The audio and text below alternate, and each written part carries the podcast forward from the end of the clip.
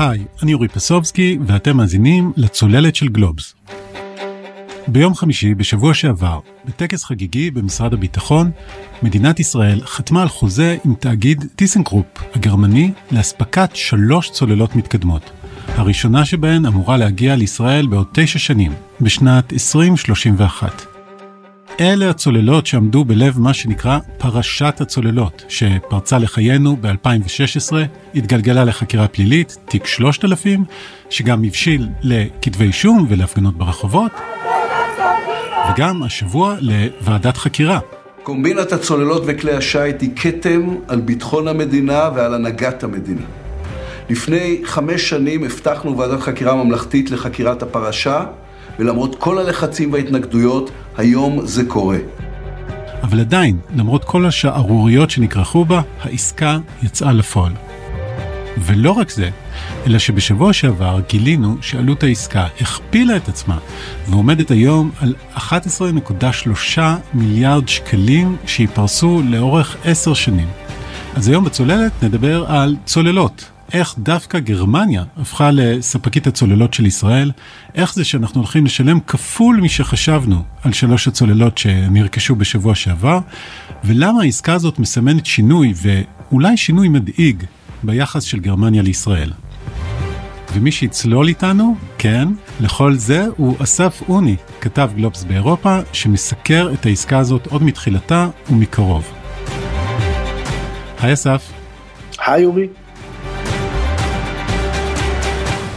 אולי פשוט נתחיל ממש בהתחלה, איך בעצם התחילו יחסי הצוללות, מה שנקרא, בין ישראל וגרמניה.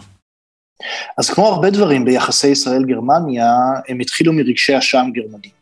אבל לא מרגשי אשם על מה שקרה במלחמת העולם השנייה, על השואה, על השמדת היהודים, אלא רגשי אשם על מעורבות גרמנית בתוכנית הטילים של סדאם חוסיין במלחמת המפרץ. בוקר טוב, אנחנו נסכם במבזק חדשות קצר אה, מה שקורה. אם כן, בין שבעה לתשעה טילי סקאד נפלו בישראל. בעצם ישראל רצתה הרבה זמן צוללות גרמניות, אבל לא יכלה לממן את זה. אז הגיעה 1991, נפצחה מלחמת המפרץ, ישראל ספגה טילים מסדאם, שר החוץ הגרמני אז, גנשר, היה בביקור בארץ, בתל אביב, בדיוק כשטיל סקאד נפל ופגע בבניין בתל אביב. זה חדר סלון, היינו בחדר שינה באמצע. אני במקרה הנחתי את המשקפיים שלי על המיטה ובאתי לשים את המסכה ולא הספקתי, עפתי. כמו, יאללה, זה, זה נורא. ובעצם התגלה במהלך המלחמה אפילו, שחברות גרמניות, מדענים גרמנים, שיתפו פעולה עם תוכנית הטילים של סדאם חוסיין, וגם עם התוכנית שלו לייצור נשק כימי. אז בעצם הגרמנים אה, אומתו עם האחריות של חברות גרמניות, מדענים גרמניים, אה, לכך שישראל שוב עומדת בפני מתקפה, שוב עומדת בפני סוג של איום קיומי בנשק כימי, שמזכיר להרבה, להרבה את מה שקרה בשואה, וישראל בעצם גם התאפקה, כמו שידוע, ולא הגיבה והדליקה מחדש את כל האזור, ולא גרמה להתפרקות של הקואליציה הבינלאומית שפעלה נגד סדאם חוסיין, ובתמורה ישראל קיבלה סוג של קלף פתוח מהגרמנים לבקש מה שהם רוצים. ומה שישראל מבקשת זה צוללות. בדיוק, נציג משרד הביטחון נקרא לפגישה בבון, איפה שהיה הממשלה הגרמנית דאז, ושואלים אותו מה ישראל רוצה בתמורה. ורומזים לו שגרמניה מוכנה לספק מסכות גז, מפעלים לטיהור, דברים כאלה, דברים הגנתיים. אלא שהנציג משרד הביטחון אומר, לפי עדויות, העדיפות הראשונה שלנו היא צוללות, העדיפות השנייה שלנו צוללות, ככה עד מספר עשר, אנחנו רוצים רק צוללות. בשלב הזה הקאנצלר דאז, הלמוט קול, נכנס לחדר ואומר, אתם תקבלו את הצוללות שלכם. זאת הייתה ההתחלה של יחסי הצוללות בין ישראל לגרמניה. כשישראל מקבלת את הצוללות ומקבלת אותן בחינם. נכון, פה חייבים לזכור אינטרס אחר של הגרמנים, אנחנו מדברים על 91, אחרי איחוד גרמניה, גרמניה נמצאת בבעיה כלכלית, מסך הברזל קרס, עסקי הנשק בשאלה לגבי עתידם, וכל רוצה גם להחיות את אה, תעשיית הצוללות הגרמנית, שבעצם קיימת כבר מהמאה ה-19 בעיר קיל אה, שבצפון גרמניה, והוא מחליט לממן 100% משתי צוללות חדישות שייבנו ויימסרו למדינת ישראל. כלומר מה שאתה מתאר פה זה משהו שאנחנו מכירים במידה מסוימת גם מהסיוע האמריקאי לישראל. עוזרים לנו עם נשק אבל בעצם גם עוזרים לתעשייה המקומית אה, באמריקה או בגרמניה במקרה הזה. זה מילא תפקיד חשוב בהחלטה אבל חייבים לציין שהנסיבות ההיסטוריות והמחויבות של כל לישראל של גנשר הדינמיקה סביב מלחמת המפרץ וההתאפקות הישראלית מסבירים בעיקר את העובדה שישראל קיבלה שתי צוללות ב-100% מימון והבטחה לצוללת שלישית שנבנתה גם כעבור כמה שנים במימון של 50 אחוז. ואלה שלוש הצוללות הגרמניות הראשונות שעדיין משרתות בחיל הים הישראלי. השתי הראשונות מומנו לחלוטין, והשלישית מומנה ב-50 אחוז על ידי משלם המיסים הגרמני. ומתי ישראל מקבלת את הצוללות האלה? אז שתי הצוללות הראשונות, דולפין ולוויתן, מגיעות לישראל ב-1999, והצוללת השלישית, תקומה, מגיעה כבר בשנת 2000. אוקיי, אז אנחנו מדברים על שלוש צוללות, אבל בשלב מסוים המספר הזה קופץ לשש. המספר הזה קופץ כי אה, ישראל בעצם אה, התאהבה ברעיון שיהיו לה צוללות, היא גם במידה מסוימת התאהבה ברעיון שגרמניה משלמת חלק גדול מהן. מדובר בצוללות מאוד מתקדמות, שמאפשרות דברים שלא היו אפשריים בעבר, ובעצם אחרי שנבנו השלוש צוללות הראשונות, היא מבקשת מגרמניה עוד שלוש צוללות, אה, עסקה דומה בעצם, שגם היא תיעשה בסבסוד של משלם המיסים הגרמני, אבל בעצם היעד כרגע לבקשה הוא כבר לא קול שפרש אחרי פרשת שחיתות, אלא מי שהחליף אותו בתפקיד, הקאנצלר הסוציאל דמוקרטי גרהרד שרדר, ובעצם שרדר מחליט, כמו קול לפניו, הקאנצלר, למכור אה, שלוש צוללות נוספות למדינת ישראל. אולי בהשפעה מסוימת של שר החוץ שלו, יושקה פישר מהמפלגה הירוקים, שהוא תומך ישראל די נלהב עד היום, והוא גם עשה את זה ביום האחרון שלו בתפקיד. אחרי שבעצם המפלגה הפסידה לאנגלה מרקל, ובתקופת מעבר, בתקופה שהממשלה בעצם מתפקדת, אבל אין לה ביקורת ציבורית, היא לא חשופה בפני כל מיני אה, ביקורות מהציבור, הוא בעצם מחליט ביום האחרון שלו בתפקיד, לפני שהוא מפנה את המשרד ויום אחרי זה נכנסת אנגלה מרקל, למכור לישראל שלוש צוללות נוספות. מתי זה היה? שרדר עזב את התפקיד בנובמבר 2005, והעניק את מה שכינו מתנת פרידה לישראל. ההסכם למכירת שלוש צוללות נוספות. וכשאתה אומר שהוא uh, מכר את זה ביום האחרון, כשהוא לא חשוף בהכרח לביקורת ציבורית, זה אומר שהיה חשש כזה אולי מביקורת ציבורית? זאת דינמיקה שמאוד מאפיינת את מכירת הנשק בכלל של הגרמנים ובמיוחד לישראל. הרבה מההחלטות הביטחוניות המאוד רגישות שלהם מתקבלות בממשלות מעבר. ואני קופץ טיפה קדימה, אה, אחרי זה נחזור אחורה, אבל גם מרקל, כשהיא החליטה למכור לישראל את צוללות 789, שעכשיו בעצם הופכות להיות אקטואליות, היא עשתה את זה בעצם בממשלת מעבר, לפני שהיא בנתה קואליציה אחרת. אוקיי, okay, באמת, אז בואו נתעכב על מרקל, כי אתה יודע, גם קול, גם שרדר החליטו להיענות לבקשה הישראלית ולמכור לה את הצוללות, אבל מרקל היא נחשבה לקנצלרית הכי פרו-ישראלית בגרמניה. זה השתקף גם בכל מה שאמור לצוללות, בנכונות שלה למכור לנו צוללות? זה השתקף בזה, בין השאר בעובדה שהיא מוכנה לממן, כלומר שרדר חתם על העסקה, מרקל מוכנה לממן שליש, 33 אחוז, מעלות הצוללות ששרדר חתם עליהן.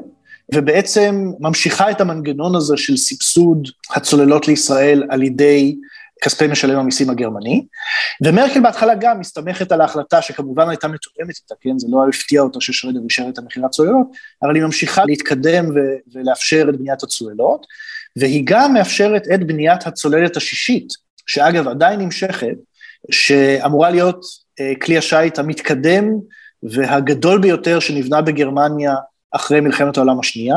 אמ, ואמורה להימסר לישראל בעיכוב של ארבע שנים רק בשנה הבאה. כן. אמ, ובעצם מרקל ממשיכה במימון הצוללות, אמ, ממשיכה ביחסים שמאפשרים לישראל לאפיין אותם, וממשיכה בסוד הגלוי בעצם, שלא דיברנו עליו עד עכשיו, כן. והוא הסיבה אה, שלישראל וגרמניה יש יחסי צוללות כל כך אדוקים. אוקיי, אז מה ניתן להגיד?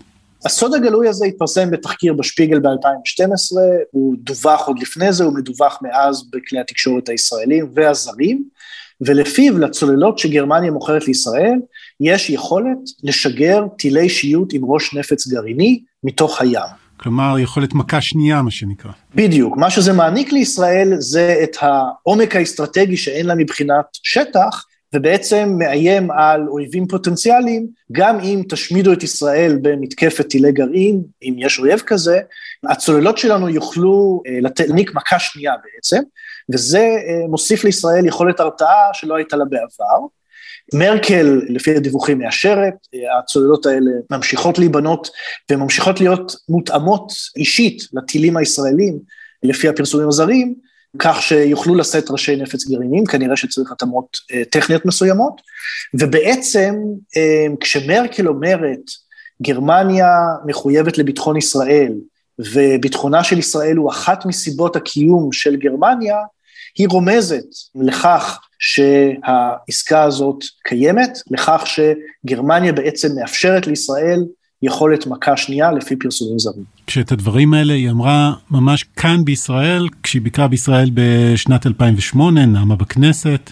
Jede Bundesregierung und jeder Bundeskanzler vor mir waren der besonderen historischen Verantwortung Deutschlands für die Sicherheit Israels verpflichtet. Diese historische Verantwortung Deutschlands ist Teil der Staatsräson meines Landes. וזה הפך לסוג של בנצ'מארק לפוליטיקאים גרמנים, האם להצהיר או לא שביטחונה של ישראל הוא אחת מסיבות הקיום של הרפובליקה הפדרלית הגרמנית, מה שמנהיגים אחריה, כולל הקאנצלר הנוכחי אולף שולץ, כולל הנשיא, חוזרים עליו ומתחייבים גם אליו. העובדה שגרמניה הולכת לקראתנו לא רק בתשלום, אלא ממש, אה, כמו שאתה אומר, אה, מייצר צוללות לפי הדרישות של ישראל, זה בעצם הופך אותנו גם במידה מסוימת לתלויים בהם. יכול להיות שגרמניה הופכת בעצם למדינה היחידה שאנחנו יכולים לקנות ממנה צוללות? אם הפרסומים הזרים לגבי נשק גרעיני נכונים, זה הופך את גרמניה לאחת ממדינות ספורות, אני לא יודע אם יש מדינה נוספת, שבה גם דעת הקהל הציבורית, גם הממשלה, היו מוכנות אה, לסייע לישראל במאמץ כזה או ביכולת כזאת. שווה אולי לציין רק שבגרמניה זה כמעט אה, קונצנזוס, האספקה של הצוללות לישראל, למעט הייתה שערורייה אחת, אולי אתה זוכר, את הסופר הגרמני גינטר גראס, כן. שפרסם שיר בעמוד הראשון של הזודדשט צייטונג, בשיא המתיחות בין ישראל לבין איראן, שבו הוא אמר, שוב אנחנו הגרמנים עוזרים להשמדה, על ידי זה שאנחנו מספקים צוללות גרעיניות לישראל. כלומר, הוא בעצם האשים את הממשל הגרמני בהשמדה, אבל לא של ישראל, אלא של פוטנציאלית של איראן. והשיר הזה עורר סערה מאוד גדולה, עורר ביקורת, כולל של השגרירות, כולל של משרד החוץ, אבל בעצם זה היה מין סוג של אה, ביקורת ציבורית נדירה, אה, שמאז לא חזרה על עצמו. עכשיו, אנחנו מדברים על גרמניה והצוללות שהיא מספקת, אה, אולי כדאי להגיד מילה על התאגיד שמייצר את הצוללות אה, עבורנו, טיסנקרופ.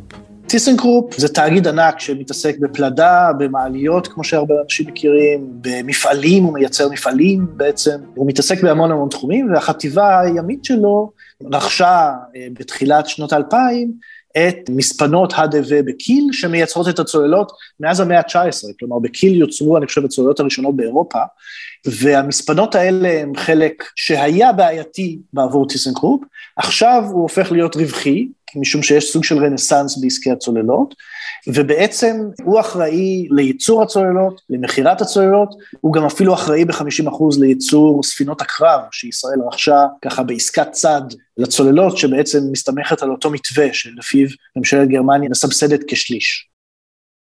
כמו שאתה מתאר, מדובר בעצם ביחסי צוללות ארוכי שנים של עשרות שנים, אבל בעשור הקודם השתרבב ליחסים האלה כתם שבשלב מסוים הופך לתיק 3000, בוא תרענן את זיכרוננו. מה שקרה זה שתאגיד טיסנקרופ פעל בשיטה שהוא פועל בהרבה מאוד מדינות, והעסיק בעצם נציג מקומי לא עובד של החברה, אלא נציג מקומי. בצורה הזאת התאגיד יכול לרחוץ את uh, ידיו ולהגיד, אנחנו לא פועלים בדרכים לא מקובלות, אבל בעצם הנציג הזה, שהוא מיקי גנור, שם uh, די ידוע, לפי החקירה המשטרתית ולפי כמה כתבי אישום שהוגשו, פעל לכאורה כדי לקדם את עסקת הצוללות 789 ואת עסקת הצוללת השישית, בדרכים מפוקפקות, כולל העברת שוחד, כולל הסתרת כספים, לכאורה לפי החשד, ובעצם הפרשה הזאת מאיימת בשלב מסוים על יחסי הצוללות בין ישראל לגרמניה. לפני שניגע בזה רק נזכיר שאתה אישית חשפת בגלובס את העובדה שהוא קיבל תשלומים של אה, עשרה מיליון אירו מטיסנקרופ. נכון, טיסנקרופ חשפו את זה במהלך ביקור שעשיתי שם במטה של החברה באסן. טיסן וקרופ אגב זה, זה, זה תאגיד שהוא אה, מחזיק שתיים מהחברות הגדולות ביותר לשעבר בגרמניה, אחת יצרנית פלדה, אחת יצרנית אה, אה, אה, אנרגיה, פחם, ובעצם אה, גם החברות שבעצם היו אחראיות למכונת המלחמה הגרמנית, הנאצית. והמטה שלהם באסן הוא מאוד מאוד יפה, הכל מלא זכוכית, אין וילונות, אפשר לראות שהמשרדים שקופים, וזה כאילו מראה את השקיפות של טיסנקרופ, אבל מתחת לפני השטח אה, זרמו הרבה מאוד מיליונים אה, לנציגים ברחבי העולם, לא רק בישראל, גם במדינות אחרות, כדי לשמן את העסקאות האלה שהן עסקאות במיליארדים. וצריך להגיד שהחקירה, השערורייה סביב עסקת הצוללות, הציפה כל מיני בעיות, אבל אחת מהן היא ביטחונית. כלומר, היא העיבה או העמידה בסימן שאלה את עצם קיום העסקה. נכון, וזה היה חשש בישראל, שבעצם החשדות לשוחד ולפרשת שחיתות סביב רכש צוללות 789, בעצם יובילו לביטול אפשרי של העסקה הזאת. זאת אחת הסיבות, לפי הערכות שהיועץ המשפטי מנדלבליט פרסם מאוד מאוד מוקדם, מכתב שמנקה את ראש הממשלה בנימין נתניהו מכל חשד. בעצם זה היה סוג של מסר לגרמנים, אל תדאגו, גם אם היה שוחד, אז בוא נגיד שוחד רגיל בעסקי צוללות, אה, ולא שוחד שנוגע להחלטות מדינתיות אה, לרכוש צוללות אה, וכן הלאה. כי אם היה מדובר בשוחד כזה, אז הגרמנים היו עשויים לבטל את העסקה. אנחנו צריכים לזכור כל הזמן שכספי משלם המיסים הגרמני מעורבים ברכש הזה. כלומר, גרמניה משלמת, כמו שראינו, בין 100% ל-50% ל-33% מהצוללות האלה ומכלי השיט, ולכן יש לה גם מחויבות חוקית אה, לדאוג שאין בזה שוחד.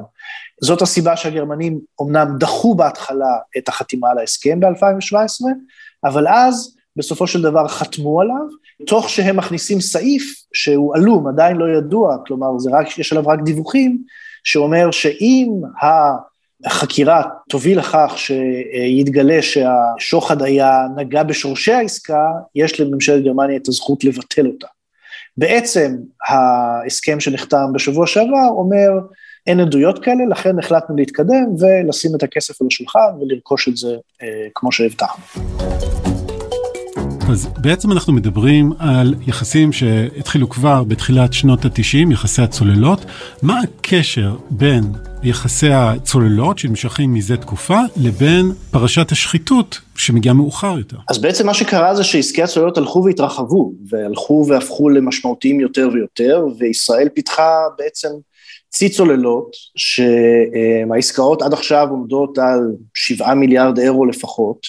זה הרבה מאוד כסף, זה משך הרבה מאוד גורמים אינטרסנטיים לכל המנגנון שקשור לרכש ולתחזוקה שלהם, כולל אה, מתווכים, עורכי דין, מקורבים, אינטרסנטים, שראו שפתאום יש פה הרבה מאוד קופונים לגזור, וכנראה נקודת המפנה, לפי החקירה, התרחשה ב-2009, כשהמתווך הקודם, אה, שייקה ברקת, הוא סולק מתפקידו, ומי שמונה הוא מיקי גנור, שעומד כרגע במרכז חקירת תיק 3000. כן, וחשוב לציין שאנחנו פה בפרק מדברים על הצוללות שגרמניה מוכרת לישראל לאורך השנים, ושאת העסקה האחרונה מבין שלל העסקאות האלה ראינו בשבוע שעבר, אבל כמו שכבר הזכרת ככה בחטף קודם, היו על השולחן עוד עסקאות. נכון, אמ, ב-2009 כשגנור מונה, אנחנו מדברים על לפני בכלל האישור של הצוללת השישית.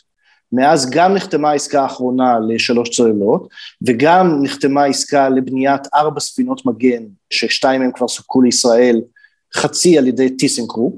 אה, הייתה עסקה שלא הבשילה לספינות מגן מפני צוללות אויב, ואנחנו מדברים בעצם על סוג של פריחה ביחסים שבדיעבד נראית אה, מאוד ברורה, אבל למעשה התחילה לצבור תאוצה אה, ב-13-14 שנים האחרונות. כן, ויש עוד פרשה שהיא נפרדת מכל זה, והיא האישור למכירת צוללות אה, למצרים. נכון, זאת אחת השאלות הכי מעניינות שעומדת בפני ועדת החקירה הממלכתית, שבעצם הוקמה לחקור את הפרשה, והיא לבדוק למה ראש הממשלה לשעבר בנימין נתניהו העניק לגרמנים אישור למכור צוללות מתקדמות למצרים.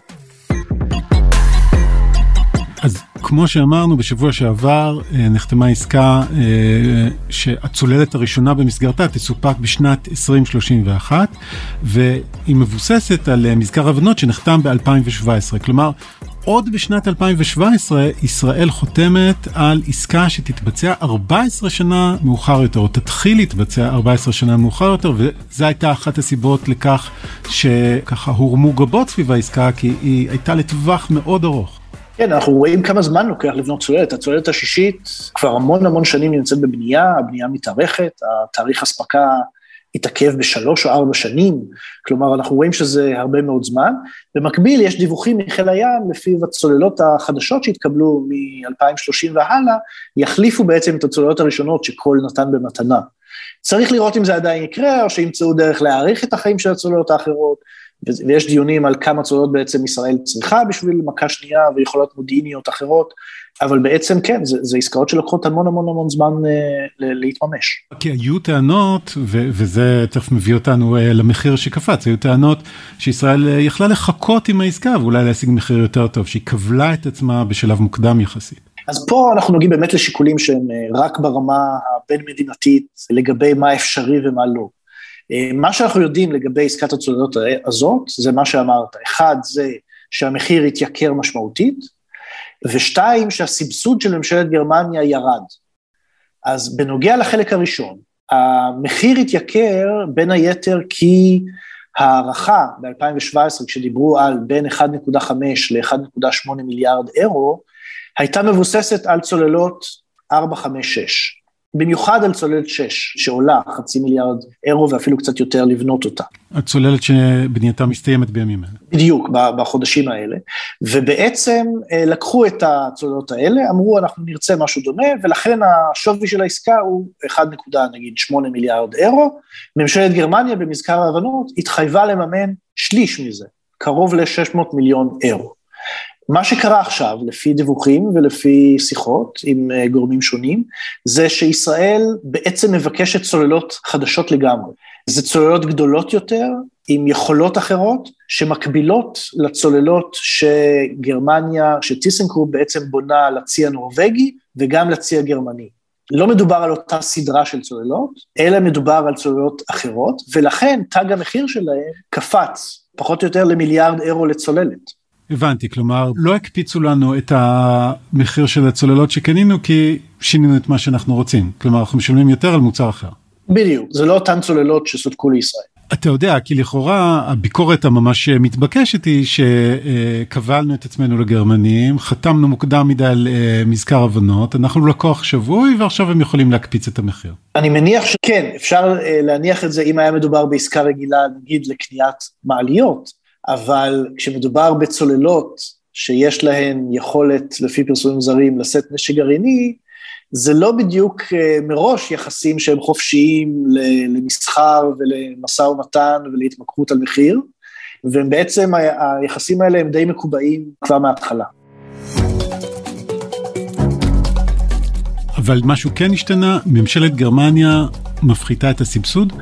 בדיוק, וזו התפתחות מאוד חשובה, כי בעצם הממשלה הגרמנית הנוכחית, שהיא כבר לא בראשות אנגלה מרקל, אלא בראשות אולף שולץ, אומרת, אוקיי, אתם רוצים צוללות אחרות, אתם רוצים לקנות צוללות בשלושה מיליארד אירו, מצוין, אבל אנחנו לא נתחייב מעבר לסכום שהתחייבנו ב-2017. כלומר, אותם 600 מיליון אירו שהתחייבנו להם ב-2017, זה מה שתקבלו על עסקת הצוללות הזאת. ובעצם זה מוריד את הסבסוד הגרמני משליש לחמישית. כי הם לא מחויבים לסבסד לנו אחוז מהעסקה, אלא הם אומרים, אנחנו שמים לכם צ'ק על סכום קבוע, זה תלוי בכם. תקנו צוללות יקרות יותר, אז זה יהיה אחוז נמוך יותר מהעסקה. למעשה הם לא מחויבים לכלום, הם היו יכולים להגיד שהם חוזרים בהם מהמימון, אבל הם, הם מוכנים לממן עד 600 מיליון אירו. זה מסמל שיש רוח חדשה שנושבת מברלין. Mm. זה נובע מהרבה סיבות. אחת מהסיבות יכולה להיות שגרמניה עכשיו סוג של מצוקה כלכלית, אחרי שהם פתחו את הארנק באופן חסר תקדים והוציאו מאות מיליארדים כדי להתמודד עם הקורונה, ועכשיו בהשקעה בתשתיות ולעשות מהפכה ירוקה, אין להם המון כסף אה, לסבסד אה, צוללות לישראל. זה יכול לנבוע גם מסוגיות של פרו-ישראליות, כלומר הממשלה החדשה יכול להיות שהיא פחות פרו-ישראלית מאשר הממשלה הקודמת, בין היתר היא מכילה בתוכה את מפלגת הירוקים, שהיא כבר לא המפלגה שיושקה פישר אז עמד בראשה, אלא היא הרבה יותר ביקורתית כלפי מכירת נשק בכלל, מכירת נשק לישראל בפרט. שרת החוץ, אנלנה ברבוק, אמרה לפני כמה שנים שהיא נגד מכירת צוללות לאזורי עימות כמו ישראל ספציפית, מאז היא חזרה בה, ואמרה שצריך לבחון כל מקרה לגופו, אבל באופן הזה גרמניה מאותתת שאולי אכפת לה טיפה פחות. אמ, אבל זה גם אולי נובע מהעובדה שעסקי הצוללות בפריחה, שבעצם גרמניה לא חייבת לתת את המימון הזה לתעשייה שלה, היא לא חייבת בעצם לתת יתרון אדיר לטיסנקרופ על ידי זה שהיא נותנת לה עוד 400 מיליון אירו, כי לטיסנקרופ זה לא משנה אם זה הגיע מישראל או מגרמניה, אז בעצם היא לא מסבסדת את טיסנקרופ. אז מסתבר שמרקל באמת הייתה ידידותית באופן אה, מיוחד לישראל. יש כאלה שאומרים שזאת תהיה חלק מהמורשת שלה, ושאנחנו רואים את המצב הולך ומשתנה בימים אלה. וכך אנחנו מוצאים את עצמנו uh, ביחסים ארוכי טווח, שבשלב הזה נראה שכבר אי אפשר כל כך לצאת מהם. כן, מדובר ביחסים יציבים מאוד, שכמו שאמרנו התחילו ב-1991, נמשכים כבר שלושה עשורים, עברו ממשלות, הרבה ממשלות, גם בצד הישראלי, גם בצד הגרמני, ולפי העסקה החדשה יימשכו הרבה לעבר העשורים הקרובים, עד 2050 לפחות. אסף אוני, תודה רבה. תודה רבה אורי. עד כאן עוד פרק של הצוללת. אתם מוזמנים, כתמיד, לעקוב אחרינו באפליקציית הפודקאסטים המועדפת אליכם, לדרג אותנו גבוה, וגם לשלוח את הפרק לחברה או חבר שתוהים האם יש עסק משתלם יותר מצוללות. ואם פספסתם, אתם מוזמנים לבדוק את פרק 158 של הצוללת. אמירם ברקת יצא לבדוק מה קרה לכלכלה של טורקיה ואיך זה קשור לניסוי הכלכלי שעליו החליט הנשיא ארדואן. ותודה למאזין הצוללת מורן לוי, שביקש מאיתנו להרים פרק על טורקיה וארדואן. גם אתם יכולים להציע ולבקש רעיונות לפרקים הבאים. אתם יכולים למצוא אותנו באתר גלובס, בטוויטר, בפייסבוק. הקטעים ששמעתם בפרק הם מארכיון צה"ל ומערכת הביטחון. תודה לעורך הסאונד ניר לייסט, הילה וייסברג היא עורכת הפודקאסטים של גלובס, אני אורי פסובסקי, להתראות.